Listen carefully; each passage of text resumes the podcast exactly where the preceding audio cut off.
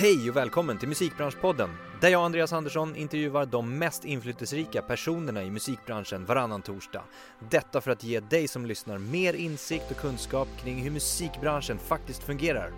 Veckans gäst har gått från en dröm om att jobba som Space Engineer till ett stipendium på Handelshögskolan i Stockholm, att sedan bli headhuntad till Universal Music till att idag ha startat vad han själv kallar A Music Company of the 21st Century. Den här resan har Ankit Desai gjort de senaste åren. Häng med när vi pratar om hans resa till hans egna tankar kring hur dagens datadrivna musikbransch fungerar och de utmaningar vi står inför, till exempel den moraliska aspekten när det gäller AI, algoritmer och annan teknik för framtidens musikbransch. Följ med i ett riktigt spännande avsnitt. Ankit Desai, welcome to the podcast. Thank you, thank you, Andreas. It's it's a pleasure to be here. I've obviously heard so much, so I'm I'm really happy and flattered. It's nice to have you here. How are you? I'm good. Yeah? It's uh, you know enjoying the winter. The the snow is softly falling outside. I Yeah. had a good breakfast, so ready to go. ready to go, ready to for Christmas. exactly, ready to go. so we're going to talk a lot about tech, uh, algorithms, AI, of course, as well, and um, uh, of course what you are doing as well, and the challenges um, in that. yeah. But um, this is actually the first podcast we have in English. All right. So uh, how do you feel about that? Wow, you know it's that's that's pretty. That's a big responsibility. Yeah, it is. We'll try to make it worth your while. And I know you talk almost seven languages. Yes. Which ones? Uh, so there's, you know, obviously, so the way it works, I'm born and raised in India. Um, and the way that it works is that you generally grow up speaking the national language, that's Hindi. Then you speak the language of the state that you're born in, that's, you know, and I was born in Mumbai, so the local language there, Marathi. And then you speak a third language at home, which is Gujarati, which is where my parents come from. And then I went to an English school growing up. Um, and then the other three are French, Spanish, and Swedish. And we could do this in Swedish, but I, I don't want to I don't want to destroy your listeners' ears. so maybe we do that next time. I read somewhere that the first thing you uh, learned about Swedish was the uh, swearing. Yeah. Yeah, it's pretty that- common. It is, you know, and it's really I've I found myself now that you know my default swearing tends to be in Swedish. Oh, really? um, it's you know it just rolls off the tongue so well and um, and also I guess like when you when you can kind of do you know do the cuss words it just makes it a lot more fun to learn a to Yeah. learn a language.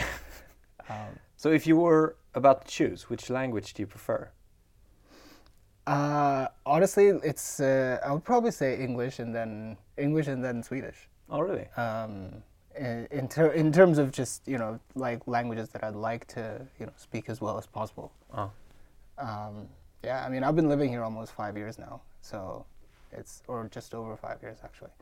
Um, so yeah, I've, I've, I've fallen in love in, in that sense. nice. Just to get an understanding from where you come from, like knowledge-wise, let's start with school. Uh, as you said, you were born in, in India. Yeah. Um, so, what, what, what have you studied? Uh, where did it all start?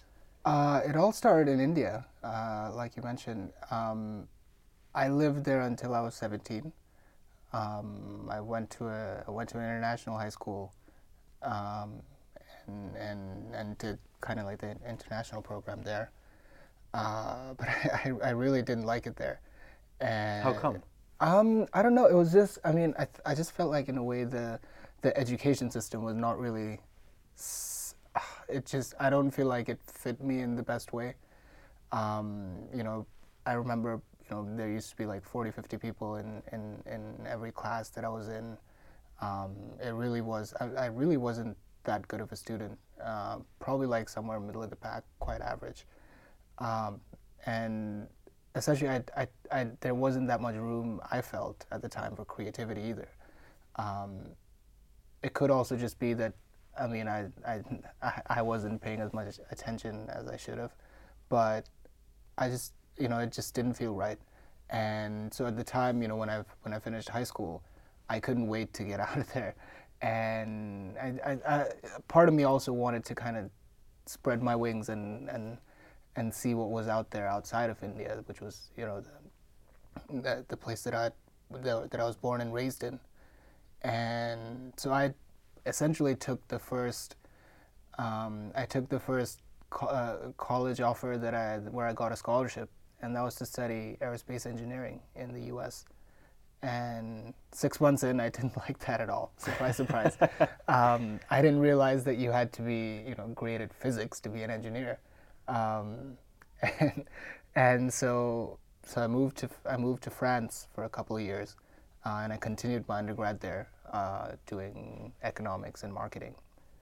And then I finished my undergrad back in the the U.S. Uh, at the University of Georgia, and and that's actually when I got a scholarship from Svenska Institutet to do my master's here at Handelshögskolan. So it was essentially I was choosing between doing my master's in Boston and doing an MBA there, um, or moving to Sweden and having a whole new adventure. And and I decided to choose Sweden, and yeah, and you know the rest is history. All right. What what did you know about Sweden before you came here? Um, I actually, you know, the first time I came to Sweden was actually to play uh, football in, in in this football tournament called Gothia Cup. Mm. and that was in 2008, which was like over 10 years ago now, which is insane. And you know, I, I mean, I, I, I fell in love with the people, with the place. Um, I started dating a girl uh, that I met there as well. Um, and you know, obviously, the, the relationship didn't last forever. But you know, my, my you know my love for everything that was you know that was that was, that was Sweden was was still there. And so when I had the chance to come back, I, you know, I, I took it with both hands, basically. Nice. So how was uh, Handels? It was really interesting, actually. I was, you know, I think that the the network that you get there is is unparalleled. Um, it just just I'm not gonna lie, just the fact that you you know that you went to a place that has a good name um, and has you know famous alumni that tends to open a lot of doors, um, and I was really grateful for that. I think, I mean, of course, you know, one of the reasons I got the job in the first place at Universal was because I went I went to Handels and I, um, you know, and I and I, I met my future boss there, and I I I thought it was it was it was a really good education. Um, obviously, you know, you, when you're when you're a student, you're you're all you know re- rebellious, and you're like fuck Yeah. the man, and you're like fuck, you know, this sucks. But you know, like looking back at it, of course, you know, it was it was it, it was a, I I learned quite a lot, and I most of all I I, I ended up making friends that I still work with to this day, um, and you know, and I would never kind of underestimate the importance of staying in touch with the people that you went to school with um, because they're they tend to be it tends to be your peers that are the ones that, that kind of like give you like a hand up and you know when you need that in the future Have you ever had like any goals with your studies? You started with uh, space engineering, Yeah. and then you started with uh, economics, and then continue with economics in Sweden as well. So, have you ever had like a, a vision from to where this will lead you? you know what? It's it's it's actually really interesting that, that you asked that. I think the vision has changed over time. Um, growing up i always wanted to be a pilot um, flying planes. Um, and then when i was 16 I, I had this like medical test and now i'm totally okay to do it. But at the time they were next they said like my eyes were too small or something. And it was just really weird but at the time i was like okay i'm not going to fight this. If I can fly planes, I might as well try to make planes, and that's why I did like the aerospace engineering. Um, and then essentially, j- just after that, I I realized that I didn't want to spend you know 40 years of my career like sitting behind a desk in a lab, and and that's kind of I've always had the I've always had the feeling that I want to do something that's my own, um, and I want to do something that that impacts a lot of people even if it's just in like a small way, but like something that that has like a global scale in some way. And I didn't, you know, to to tell the truth, like music was never part of the plan. Um, I just kind of fell into it, and three months, you know, it, it was supposed to be like a three month gig, and I, th- you know, it, it was like getting, you know, getting a taste of something addictive. You're you're hooked um, after your first taste, and I, I can't. I can imagine myself doing very few other things, you know, apart from music now. Four four and a half years later. So that was an internship.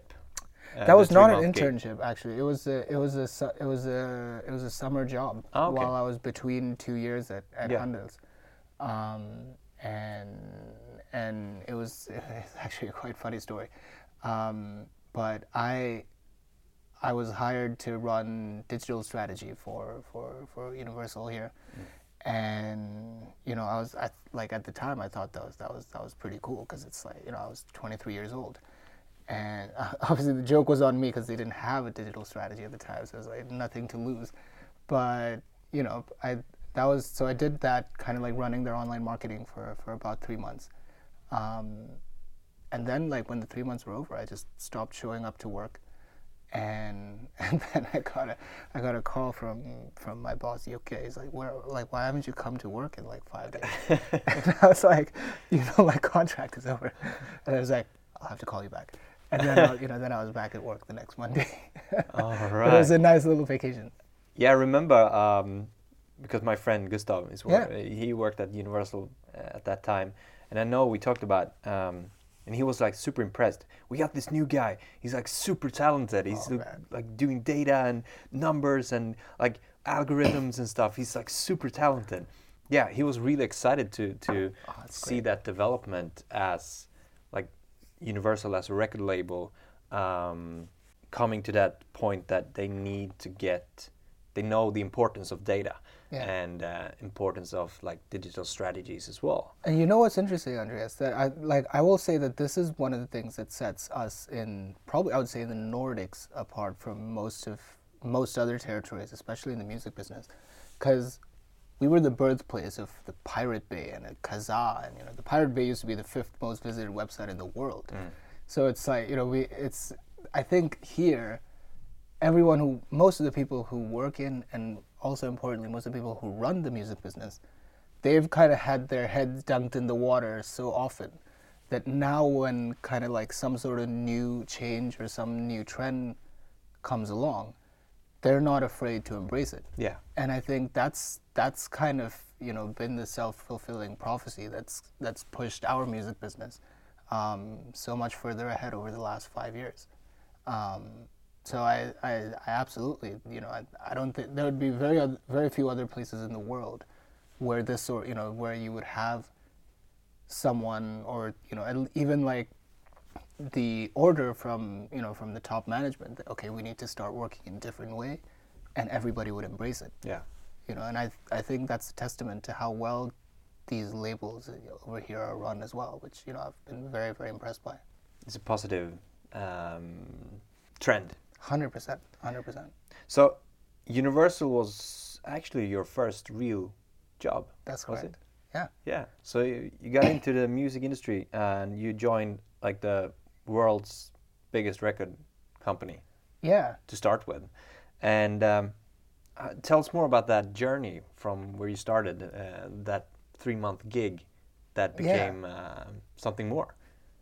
Absolutely, and and again, you know, I, I have to I've I've thought about this quite a bit because you know, like looking back, I don't know if I would have given myself the chance that my boss at the time, Per Sundin and and and Jokke gave me, because I met Per at you know when he was giving a speech at my school, um, and I was helping organize that speech. And he was talking about you know disrupt or die, and this you know this industry needs to change, and blah blah, blah and it, it sounded really good and obviously I was a cocky student, and I, you know, I told him, you know, I, I, I was giving him stock tips because my dad's a stockbroker, and uh, you know, we started, we got talking, and you know, a couple of days later, he, they asked me to, you know, to come down to the office, and I'd, you know, prepared some ideas as to, oh, you know, if I was doing, you know, marketing for you guys, like this is probably what I would do. These are, um, now that I look back at it, they were all pretty outlandish ideas, which probably would have never worked. But um, but they, you know, they offered me this three month gig, um, and and you know, I I think to their credit, and uh, you know, to to their credit, they they kind of allowed me to you know to essentially say. This is what we're doing. See what you think we can change, and then they, you know, they, they gave me the license to go ahead and do that. And and so the first thing that we looked at was the marketing side of things, and we had essentially decided to stop buying ads on you know TV and because uh, that cost a lot of money and you couldn't measure them and they had very long lead times. And we'd started but essentially what we ended up doing was we took all that money and said okay let's throw it at facebook or google instead without necessarily understanding that okay when you move to a different platform you have to market in a different way. Yeah. Um, not just copy paste exactly. Because now that you're getting feedback in real time, like how many people are clicking, how much you're spending, how people are reacting to your message, you need to be able to change your advertising uh, to to essentially suit the feedback that you're getting. And the one in this world, the one that does that the most and the fastest is the one that ends up winning. Mm. And so we ended up doing that, and you know we ended up reducing like the marketing costs quite a lot um, over the next year but essentially, kind of after that, you know, three month gig, uh, it it really came down to meeting meeting essentially with everybody in the company and and helping bring up like the competence uh, in terms of working with data, understanding data, understanding numbers, um, and applying that to our day to day work. Because, you know, the larger shift was that in the past, labels had to just really be really good media bookers. You had to have a really good relationship with the people who were buying your ads, so you'll get good rates. And then you know that was it was a relationship game. Now, because everybody's able to be an artist, you need to be more of a marketing consultant to mm. the artist to help them cut through all the noise, and that's a much harder job, right? And so the you know the next year was essentially just kind of helping that transformation. Um, and then just you know just out of coincidence there was this one time where you know we, we we had i remember we had like this pretty serious meeting and and and, and our boss was like bring me some hits where are all the hits and um, and so you know I I kind of like dug down into like everything that we had that was like doing at least like decent streaming numbers and there was one 17 year old kid that was doing 20,000 streams every day consistently for the last two, three months without any playlisting or anything. And so we were like, oh, you know, maybe this is like something that could, you know, let's let's put some more marketing here and let's try to push it up the charts and like see where it goes. And then we got that one into the top 50, and then it like took off and it like went into like the top 20, then it got into the top 10. Um, and then eventually it went to number one, and it was a song called Stitches by Shawn Mendes. Mm. And that was his first ever number one, and we were the first in the world to make that one uh, a number one song as well.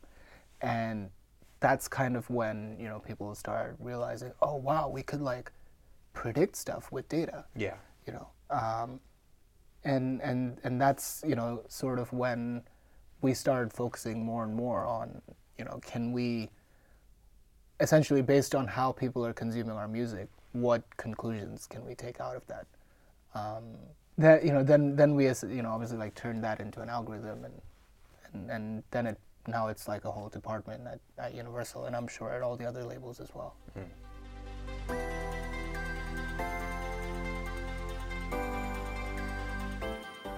Have you ever been afraid of presenting new ideas? Like, have you ever been afraid of them thinking that you are like you crazy man you can't come here and like tell us what to do um, or have you been like very open for the response as well honestly like i knew that in in a lot of cases it's you know when you try to bring something new into an organization you have to i mean you have to expect that there's going to be some sort of pushback mm. and pushback in the worst case in the best case there's going to be people who are skeptical about it and you know obviously like over those couple of years i you know i started fig- trying to figure out ways in which we could spread knowledge to the company. So i always knew that there were some departments that i should present this thing to first because they're the they're the most open to changing and they're the most um, flexible in that sense. And then once they kind of like took it on and they started you know working with that we would try to make as big a case of that as possible so like the others then had to take it on. And you know, so you, you start to kind of like learn to play like the you know the internal game as well in some ways. But again, you know, I, I have to say that all of that was made a lot easier by you know the, the management at the time where they were just like you know i you know they, they they hammered into like everybody that was working there that like the you know if if you blow like if you blow like a few hundred k on like something that doesn't work that's not you know that's not going to be a problem at all it's if you just keep doing the same thing over and over and that's not working is when there's going to be an issue Yeah. Um, and and I think people took that to heart. And you know, and to be fair, like I've done a few projects that I can think of which were absolute failures. And, you know, th- people never even brought it up a second time. Oh, really? Yeah, there was one. T- uh, no, yeah, exactly. There was maybe I, I can't talk about that, but um, but you know, I, so so they definitely walked the talk as well. I will say that. Cool. So what what what do you bring from the time at Universal with you? I would say that it's you know, th- th- I first of all, I got a very good understanding of of how a well-run company should function. Um, I think that was very important. The other the other thing, obviously, which is almost like a downside, so this doesn't sound like a fucking ad for Universal Music, but the you know the other thing I realized was that large companies, even though they're very well run, they tend to have certain problems and certain weaknesses. So if you're someone that's trying to start something, even the best run large company is going to have some weaknesses. And you know, if you can kind of adapt your company to, to deal with those, for example, to be able to work faster, to be able to be more flexible, to be able to offer more independence to like the people that you work with. Um, those are all things that that you know large companies just because they're that large and they need to you know kind of like move in the same direction they're just not able to offer. So if you kind of set yourself up in that sense you can go toe to toe against bigger players. I think that's been one of the biggest takeaways for me. Mm. Have you ever experienced any like challenges when you came to Sweden, like like language barriers or cultural barriers or something like that? I would say that I mean, you know, obviously when when I moved here, I was you know I was I was I was dating a, a Swedish girl, and and that made things a lot easier, uh, especially culturally. Language wise, it's never really been a problem. I mean, everybody speaks English, and then I I could speak Swedish maybe like two two and a half years in. Um, where you know where like everybody at a party didn't have to change you know the language they were speaking into you know and I think that's very important to to kind of to kind of fit in because how how often are people going to keep doing that right? Even though everybody speaks english. And i would probably say you know I, I didn't realize this you know the first year i didn't i didn't care. But from the second year on you know like the the seasonal you know the seasonal november uh, down feeling down is like it's so real. It's um you know, so last year I decided I'm not going to stay in Sweden in November from now on, um, and I think I think in that sense, like the weather and like the, the darkness has been like tough to, to deal with sometimes. Um, otherwise, like culturally, I you know, working in you know working in a large company, I didn't see this as much, but one of you know one of the things that's obviously like very different here uh, compared to let's say like the U.S. where I went to school or probably even India, is for a lot of decisions, and of course this works in our favor as well. For a lot of decisions, like you need to have a consensus between everybody involved, and that sometimes slows you down. Where you you know in a lot of cases you can't just say, "We're doing this now," like let's get it done. Like people, and rightly so, can say, "Actually, I don't agree with it, so I'm just not going to do it." And and in some cases when you're especially you know, facing crisis situations or when you essentially when when the going gets tough that's when it tends to boil over and start to get a bit ugly and that's been one of the things that i think has been like very very nordic i would say A few years back, you were listed as uh, Veckans Affärers super talents, Yeah. right? Uh, like super talents under 40. That was 2015, right? yeah and i'm still under 40 Yeah. but you're over 30. no no no No, you're still under I'm 30. 27 yeah Oh man. So how was that? like being listed as a super talent in Sweden? Uh, you've been in Sweden for At that time, years? At, at that time, I'd been in Sweden for two two years. two years. Two years. Um, I was still in school, I think, at the time, and that that was, I think, one of the where I was doing like school full time and I was working at Universal full time. Um, no, that was that was crazy. It was you know it, was a little bit surreal, but you know I, I met a lot of really good people and and and of course you know you don't go looking for individual awards, um, but it always feels good and it always feels you know especially to you know to, to to show your family at home that like you know you're not like completely wasting your life in a, in a different country. That is awesome. Um, yeah, so you know that was definitely like a really nice, a really nice moment. Um, I I remember it really well, um, and yeah, and I've I've still, you know, I just did like a podcast with the with the Veckans Affärer guys a few weeks ago as well. And they're they're great. Mm. So has that helped you somehow in, in your professional career as well? I don't know if it has. Um, Like open or any doors or It probably. I mean, I'm sure it has, but like I wouldn't be able to like pinpoint and say like this is this is why. Like because around you know around the same time like I was doing like a couple of other interviews and and I was you know I was at at, at that time like I was just hundred percent focused on kind of ri- trying to rise through the ranks at Universal Mm. globally, and you know so I but I, I do think like over those like couple of years we we did a lot of really interesting stuff and and that that stuff sort of came to the front around 2016 17 Mm. um, which then of course you know led to led to me getting you know leaving leaving Universal at the beginning of this year Mm.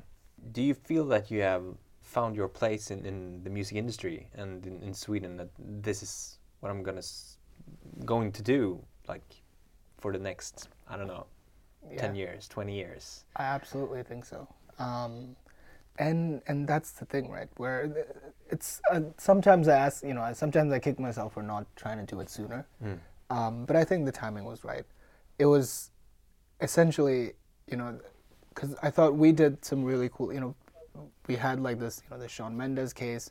Then after that, we had this I Took a Pill in Ibiza song. Then there was this, you know, artist from France called Kungs. There was this, you know, British artist called JP Cooper.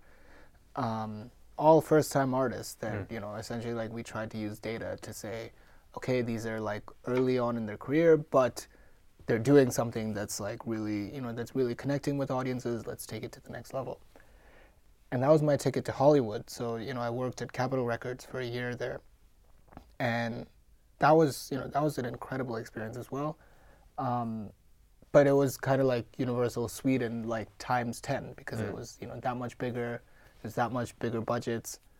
Um, and also, in some cases, it was that much, that much slower to get decisions done simply because it's such a big company and that's kind of when we decided okay you know it's if we're if we're trying to build the future like we're gonna have to do it ourselves um, and and that's kind of when you know we we decided to you know start to start snafu and yeah and and and then you know just one thing led to another around the same time i met um, one of our partners uh, this producer carl falk. And you know he was kind of like looking for his next thing to do and it just seemed like the right thing and the right timing. And now it feels like you know if, if we're trying to create the music company of the 21st century that's absolutely something I, I, I feel like you know I can see myself doing for the next decade or whatever Mm. it ends up being 100% So let's talk a little bit more about Snafu. mm-hmm. Um, you decided to start that like early this year. yeah February So how did you come up with the idea? Um, yeah, the, you know, interestingly, one of the one of the things that kind of triggered it was um, looking at a stat that said that, you know, and this is just like me guesstimating a little bit, but the, about, or I know this to be true, that seventy percent of all the all the music consumption globally is between three companies: Sony, Universal, and Warner. Um, but I would estimate that these three companies account for less than 1% of all the new music that gets put out every year. So essentially, there's a lot of undiscovered, incredible music out there, you know, in from Indonesia to Colombia to Australia to probably like, you know, Mongolia or wherever, um, that is never going to, you know, get the sort of audience that it deserves because no one's able to find it and these artists don't have the means to kind of you know to kind of reach out to the rest of the world and so our thinking was if we just built the right tools to you know to find that girl in her bedroom in Indonesia who's writing this incredible music we can try to bring our music to the world mm-hmm. and and that was you know the ground idea behind behind snafu that our you know our the musical world has changed but the big players are still working in the same way can we sort of help this shift a little bit by, you know, by trying to make a more equal playing field for the artists? Mm. So that's the idea. And uh, if you can tell us more about like the business model, yeah. Uh, how does that work? Are you like, do you classify yourself as a record company mm-hmm. or a tech company or? It's um, it's interesting, and I think at this point I would almost say like it's it's hard to differentiate between the two. We're you know we're we're a tech-driven music company, mm. um, but we're a music company at heart. Um, that's that's using today's technology to to essentially uh, you know to, to essentially have the best business model. So the way that it works essentially is if we've let's say found um, you know we've for example like one of our one of our favorite signings is um, these two guys from Arkansas in the U.S. And you know they're they're they're they're, they're great guys. They're you know they're they're Christian. They go to church every Sunday. They're both married, and then they you know but they look like they're straight out of like you know Berghain or you know or uh, you know Ber- Ber- Kreuzberg in Berlin or let's say like what's the what's the what's the equivalent in Stockholm? it's uh, probably like southern, you know, super southern. Yeah. Um, and you know, and they write these amazing like '80s inspired synth pop love songs, and we've you know the algorithm found them on like day two, and uh, day two that they put their music out, and you know we reached out to them, we signed them, uh, and then we're gonna put out our first song with them on on February first, and and you know, and that song is is produced by Carl, who's right. you know obviously one of the biggest producers in the world, and an artist at that stage, even though they're massively talented, it would have probably been years before they would have you know essentially like got that sort of support otherwise. Mm. Um, and and that's essentially kind of like the the model that we're trying to bring to the table, where we find a few talented artists wherever they are, anywhere in the world, and then try to kind of like bring our toolbox into play in terms of you know marketing, in terms of relationships, in terms of songwriters and producers for them to work with, and try to take their career to the next level. Mm. But when, when you talk about finding these artists, like your algorithm, and are you the one who's who has built that? I built the first version. Then yeah. we hired people way smarter than me to you know to like improve on it. Yeah. Funny enough, our our, our chief technical uh, technology guy is an aerospace engineer. Oh, really? Um, yeah. So exactly. So so I built like the first version of like okay, this is what we're gonna look for, mm. and then we've been improving on it obviously for the last like eight nine months. Yeah, and that algorithm is like scanning through like streaming sites like Spotify, Apple Music, everything. SoundCloud, YouTube, it, and it, it basically like sorts through around 200,000 unsigned artists every week. Um, and then basically tracks them and tries to see how quickly it's growing. When people comment on it, it applies like this AI um, technique called sentiment analysis. So we look at how passionate people are when they comment on the song, like mm. positively or negatively passionate um, and almost sometimes you want there to be some controversy for it to you know to create a buzz. Um, it's you know it also we're also starting to look at the structure of the music and how it compares to what's on the top 200 on Spotify at any given time, and essentially like take all these factors and then give a score, a snafu score. Um, and say, okay, we believe that this song is like I don't know, eighty percent likely to to succeed. And then if we feel like we can bring something to the table there, we reach out to the artist and we try to sign them and and then essentially work like a, a label would work. Because I'm I'm sure a lot of listeners out there are, are thinking now, so oh, it's another one that just going for the numbers. Uh, but you also apply a human Yeah. touch on on this and bring up to the table and see can we can we help this artist in some kind of way and, Exactly. and that's where you decide so the a the ai or the algorithm doesn't decide No, and that's just a and, help. Exactly, and exa- and the important thing to remember, right, is that there's a lot of music out there. yeah How like even if you had ten thousand A and R scouts, there's no way they would be able to listen to that much music every week. So you need some way to be able to filter it down so that the human can then make a human decision of like, is this something that I can connect with or not? Right?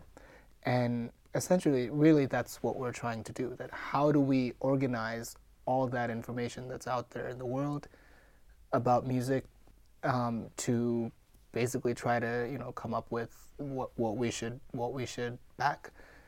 And another thing that I would probably also say is when we you know when of course you know when we look at it from one point it's you know we're looking at numbers.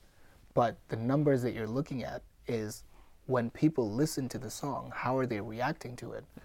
And that's also like a very human thing. Like you know we look at how much of the song people listen to or how they tend to talk about the song after they've listened to it. Um, so at the end of the day you know i think music is a very human endeavor and that's never going to change. No so what um, who's in your team right now Uh, so we're we're nine people now, um, and growing. And you know, so obviously there's me, there's uh, and then I, I initially started the company with uh, one of my ex professors from from Handelshögskolan, a guy called Chris, uh, and he's a chairman of the board. Then we have um, our head of business development is a guy called Matthias, and you know he comes from you know developing TV shows. Then we have Carl Falk, who's you know who's who's a, who's a producer and songwriter. We have a girl called Maria, who's you know who runs A and R for us, um, and she is um, she comes from a tech background, but also a creative background, and that was also kind of like our bet that the future best A&Rs in the world are going to be able to understand the tech side of things as well as the creative. Um, then we have a girl called Olivia who does marketing, and um, and then we have uh, two tech guys here, Felix and Chris, who's the aerospace engineer, um, as well as one guy in Croatia who kind of like develops a lot of the a lot of the tools that we use. Um, so it's it's a, it's a tight team for the moment, and you know we're probably going to grow in in 2019. cool Yeah, I, I hope I didn't forget anyone. so ha- how has this journey been for you going from like the school to employee to Yeah. now running your own company um, like what's what's uh, what's that like Honestly, it's uh, every, I mean the journey has been incredible. It's it's it's super super rewarding to you know to, to you know to this whole snafu uh, adventure. Most I will say, eighty percent of the time it feels like eating glass because you know you obviously only get everybody's worst problems, um, and every day there's you know there's something uh, there's, something that's going wrong. Um, that's why obviously you know the name of the company as well is Situation Normal All Fucked Up Snafu, and um, and so but you know the twenty percent of the time that it works, it's the best. It's like the high that you cannot get anywhere else. You know, doing anything else, and so it's you know it's definitely been an, you know it's an incredible ride, and I will say one thing that I realized was when I was an employee, I obviously had to argue or like push for my department and what we were doing. And we were a pretty, I mean, I would say like a pretty good part of a, but a much larger machine. And we had to like figure out how to slot in in the best way. Now, you know, when even though we're building a data driven company, I find myself doubting the data quite a lot of times because you're like, oh, is it is it really true? You know, Yeah. it's uh, like I feel the same kind of human biases coming into me, and that's that's a you know when you have to like take a step back and like look at the whole picture, you realize that it's it's not as easy as it looks, um, but it's you know it's it's an incredible adventure. So looking at the big picture, what's Yes. the goal with Snafu? I think I would be I would be happy if we're able to kind of make this trans you know we, we want to set the new standard for for the music business of the 21st century. Um, we're going through a period of like massive change right now. A lot of things are being shaken up. And we want to be the new way in which the music business should work. Um, and be able to you know essentially like give chances to you know to that girl in her bedroom in Indonesia or that you know the next Drake who's out in Colombia right now and you know in Medellin. And I think you know the goal with Snafu is to is to one day be big enough that we can you know we can be a home for for artists from all over the world. Um, and we're you know we're we're working in a way that's a lot you know more transparent. We you know that we're working side by side with computers and with AI, but we're doing it in a way that's responsible. Yeah, we talked about that, in, like in the ethical part of it, is Mm-hmm. Yeah. in almost like a philosophical way as well, like challenges with AI and challenges with like the future and and and like comparing that to the human touch of it and what what's your thought about that? Yeah, you know, this is this is of course something that we've talked or debated quite a bit about internally, where when you know today we're we're using human built algorithms to predict if something is going to work or not and then you know try to like generate new music based on those rules as well. But the next i think you know the next kind of progression which i would say is inevitable it's going to happen is ai coming into music. And that i think is a is, is a lot harder for kind of like us to like wrap our heads around because where does the you know es- essentially like where does the line to creativity stop? Um, because when you really think about it like when you think about like ai generated music for example how much time and money would it take for you to get a hundred songwriters to write a hundred songs? Probably quite a bit of time and quite a bit of money but at the same time those you know you're probably going to have like a quite good standard on those songs because they're professional songwriters. If you asked an algorithm or an ai to write let's say 10,000 songs or even like 10 songs the probability that one of those 10 songs is going to be good is actually quite low. Um, but the key is that it doesn't cost any more time or money for the AI to write a hundred million songs, and then one of those is most likely going to be good. Yeah. And so you know, so like from a purely like statistical point of view, AI-driven music is going to arrive. Then you know, our view has been that okay, if it is going to arrive, it's our responsibility to do it first and do it responsibly so that we set the standard and not you know we who understand the music business who understand what the creatives need and you know who've worked with them for years are the ones who kind of bring about this change and not like some outside player who's doing it for whatever reasons. And and that's you know that's also kind of like one of the you know let's say the, the, the, the moral goals that we want for snafu is that we want to be the ones who help bring in this transformation um, but do it in a way that's you know that's that's friendly to everybody. Yeah. because i mean the computers are there to serve us at the end of the day it will probably come like companies in the future that don't apply that thoughts uh, and Yeah.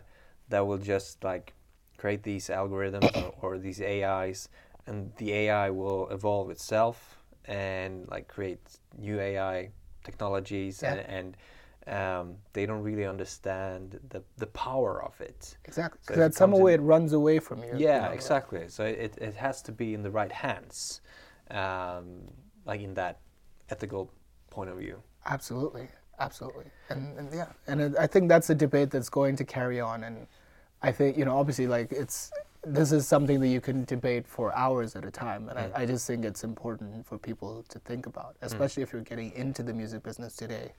Um, it's important to think about how this is going to affect you, and how we can kind of do this in the most responsible way. Mm. You said that you've talked about it, like discussed it in, internally. Mm-hmm. Do you talk about it externally as well, like to partners or to creators or like songwriters? Probably not as much as we should, to be to be very very Or honest. you want to? Yeah, Yeah. absolutely, absolutely. I think this is like a broader conversation that the entire music business needs to have, because you can't. I mean, you can't stop changing. You can't stop. Ca- you know, it's like you know, it's it's like the big music companies trying to stop downloading and piracy and stuff like that. It's like it was just more convenient. Yeah. And I think this is going to be that next change. And so we need to, you know, ha- before it hits us, we need to have a discussion about like how we're going to deal with it, mm. basically. So do you have any competition, like Snafu?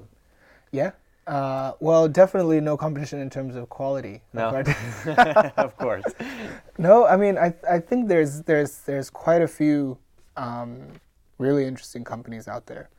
Um, there's they're mostly they mostly tend to be based out of the U.S. Um, or out of the UK.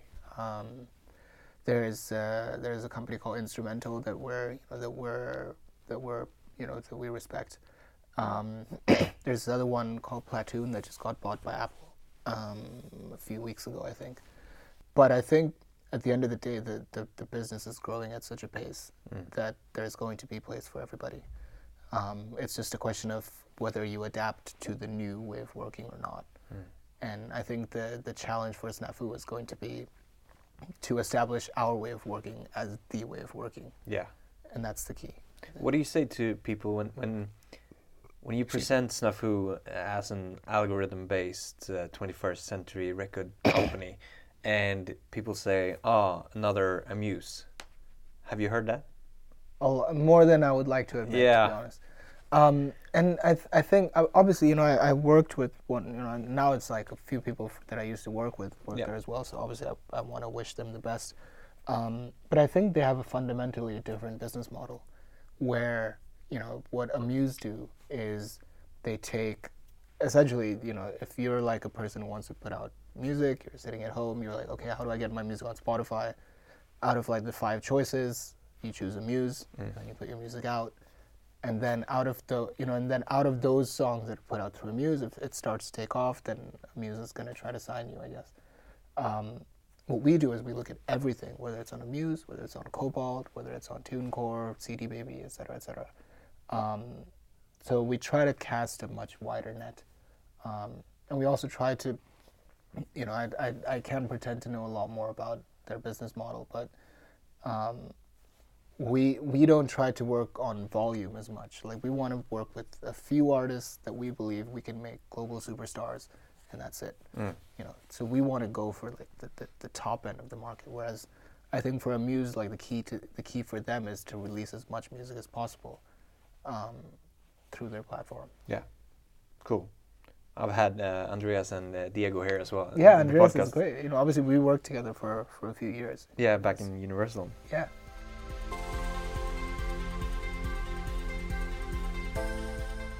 What do you see other companies, not mentioning any names, but Yeah. like doing wrong in regards uh, to data, for example? Do they underestimate the importance of data? I would probably say so. In in a lot of cases, they do, um, because one thing is just being able to. One thing that companies tend to do is use data as a way to validate what they already think, right? And I think again that's good, but that's like the first stage, where you're building dashboards, where you're building visualizations, et cetera, et cetera. Where you're, oh, you know, this streaming is going up. Like, oh, I thought that too. Like, let's sign that artist. Um, the next stage, which I think a lot of companies have trouble going to, is using the data to actually get insights about what you should do next. Um, so you don't come in with any like prejudice, but you listen to the data. You know, you listen to the list. You know, you listen to the data to tell you what you should do. Um, and I think if you understand where the data is coming from, then you start to because it's not just oh you know these are numbers and I'm not a numbers guy I'm a feelings guy you know but like what the numbers are telling you is the feelings of thousands of people you would be crazy to not listen to that you know and I think that's kind of like one of the most important things that that companies need to need to understand is that you can use data to get like a pulse on how people feel about what you're doing. It's all about getting feedback and then kind of steering the ship in the right direction based on that feedback. And the ones that tend to win in the 21st century are the ones who are able to iterate and steer the ship in the quickest way possible. Because they're like the ones who are able to hit the bullseye. Um, you know, there's this, obviously, this is now a couple years old, but House of Cards on Netflix, for example, I think, you know, a lot of people know the story about you know, they, they saw in the data that like every, people tended to love political thrillers and they tended to watch a lot of Kevin Spacey movies. So like, let's get this guy in a political drama, and obviously it worked. Yeah. Um, and that's just the you know the stories that they made public. They have massive, massive teams. These guys, you know, and I think the the Hollywood Hollywood might actually be ahead of us on this, where I know that the you know the guys who make I think it's they're called Legendary Pictures, the guys who make like Batman and Dark Knight and, and all these other ones. Um, they have somebody told me they have like 50 PhDs or something that just like crunch numbers constantly about like wow you know what they should do and you know they put out like maybe two or three movies a year so you know and and so it's it's definitely something that I think our industry as a whole can do better on. Mm. It does, and using data doesn't mean you become a tech company or a numbers company or a data company. It's just that you're using the tools available to you to be better at your job. Mm. So, if we were about to summarize like the yes. the state of the music industry right now, how do you see the music industry right now? One word: it's a jungle. Jungle. It's, uh, you know, I think today in Sweden we've now had streaming for a decade. We've had it for ten years. Yeah. Um, and Sweden is the you know, and Sweden and Norway probably are the first markets in the world to now be mature streaming markets. Um, and now is kind of when you know now that like you know Spotify's growth is slowing down, you know, and it's like you have as many streaming subscribers as you have like TV subscribers, et cetera, et cetera, et cetera. Um, now is when it becomes like a, a battle for market share. Mm. You start to you know try to find like new revenue streams for you know for your music. You start to find so here the you know the the music industry I think is is mature. In the rest of the world, it's the wild west.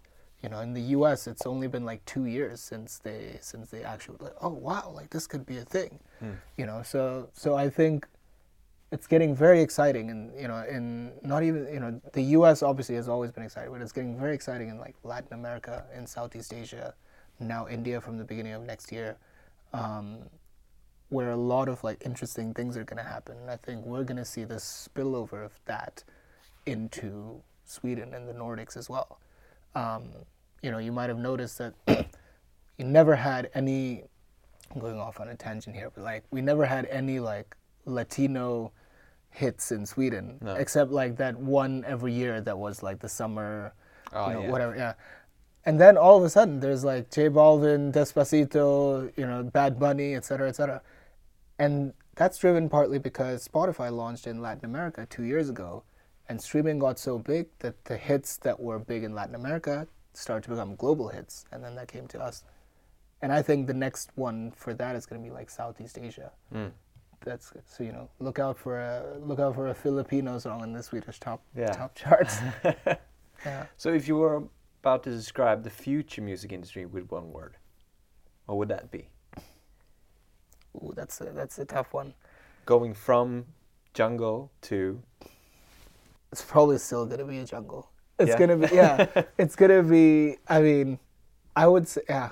I, I would still say it's it's it's still gonna be a jungle, but like the future of the music business, I think, is it's going to keep growing for the next five, ten years. Mm-hmm. I think the future of the music industry is going to be more disruptive mm. um, because it's going to need, you know, this, you know, we, and we've talked about this quite a lot, but like Spotify changing distribution is just one part. Like the way marketing is done, the way A&R is done, the skills that are needed, these are all currently undergoing a lot of change. Um, So there's going to be a lot of shaking up in the next two, three years, I think, and it's going to be a painful transition for a lot of companies as well. Um, but yeah, it'll still be a jungle because it's still, you know, the the crazy, cool, you know, people who are full of life that'll always be attracted to this business, and Mm. that's what makes it fun to work with as well. So, if you were about to give a young like industry professional some advice that, for example, has just started their journey in the music industry, Yeah. um, for example, as an intern Yeah. in a company, what would you say to that person? I would say there's like two things that I've that I've realized or that I would try to tell like my you know maybe a younger self, but um, the first is try to try to find like what your unique point is. I think I had the good fortune of being like the one person who had like some sort of like numbers background. I was a numbers nerd in a very creative company, and that allowed me to try, you know, be able to like do a lot of things very quickly. And so you know, it doesn't, you know, you don't have to be like a numbers nerd or like a you know marketing specialist, but if you can kind of convince your boss that, you know, yeah, you're this intern, but you can kind of like offer, you have like this very specific set of skills that the company needs. I think that will make your journey upwards a lot faster. And the second thing is don't underestimate the, the importance of kind of like putting in your dog years. Um, it's, you know, when you're starting out, like you have to prove to everybody that you're work, willing to work harder than anybody else. You have to show everybody that you're, you know, that you're willing to, you know, to, to go the extra mile. Um, and that you're there as a, that, that you're there as a support but at the same time just hard work is not going to get you there. You have to be able to work smart and and kind of going back to point one know what you bring to the table and bring something different to the table. Mm. I would say like those two things would be super key Great for any, any intern that i try to hire as well. Mm. And you're gonna get a question from our last guest, Jenny Hermansson, uh, managing director at Spotify. She's wondering, how do you want the music industry to be remembered for the era we're in right now in the future? I would say this era that we're you know that we're in right now, I w- I would say I want it to be remembered as one of transparency, Mm. you know, increasing transparency. Um, you know, that's that. The, the, I think the next ten years are going to be about. Uh, you know, the, the last ten years of streaming have been about like the best possible consumer experience, and I think the next ten years are going to be about the best possible creative creator experience. You know, allowing more people to make you know to make money off their music, and I think increased transparency. Everybody is kind of like moving towards that, and I would like that to be the case, of like, you know, justifying your place in the food chain. Like whoever is in the food chain justifies why they are. Um, why are you taking fifty percent of my, you know, of my royalties? Well, because blah blah blah, and I would like for that to you know to essentially be the case. Cool. And what do you want to ask our next next guest? I would like to ask the next guest, what is the probability that your job will be taken over by an AI in the next five years? Good one. Really Yeah. good one. Awesome. Yeah, I'm, I'm actually really now. I hope it's like a, you know, I, I and I hope it's like 100 percent or something. You know, Yeah, like something an con- controversial. Admin uh, Yeah. person, some sort of. Yeah, I mean, honestly, it would be even more interesting if it's an if it's like an A and R or an MD. Definitely, definitely. Because that's, I mean, imagine having a computer as your boss. Yeah. Ankit, thank you so much for a great. Andreas, it was a pleasure. Seriously, it was a pleasure. It was really It was good to. Um, good luck with Snafu. Thank you very much. Thank you. Thank you.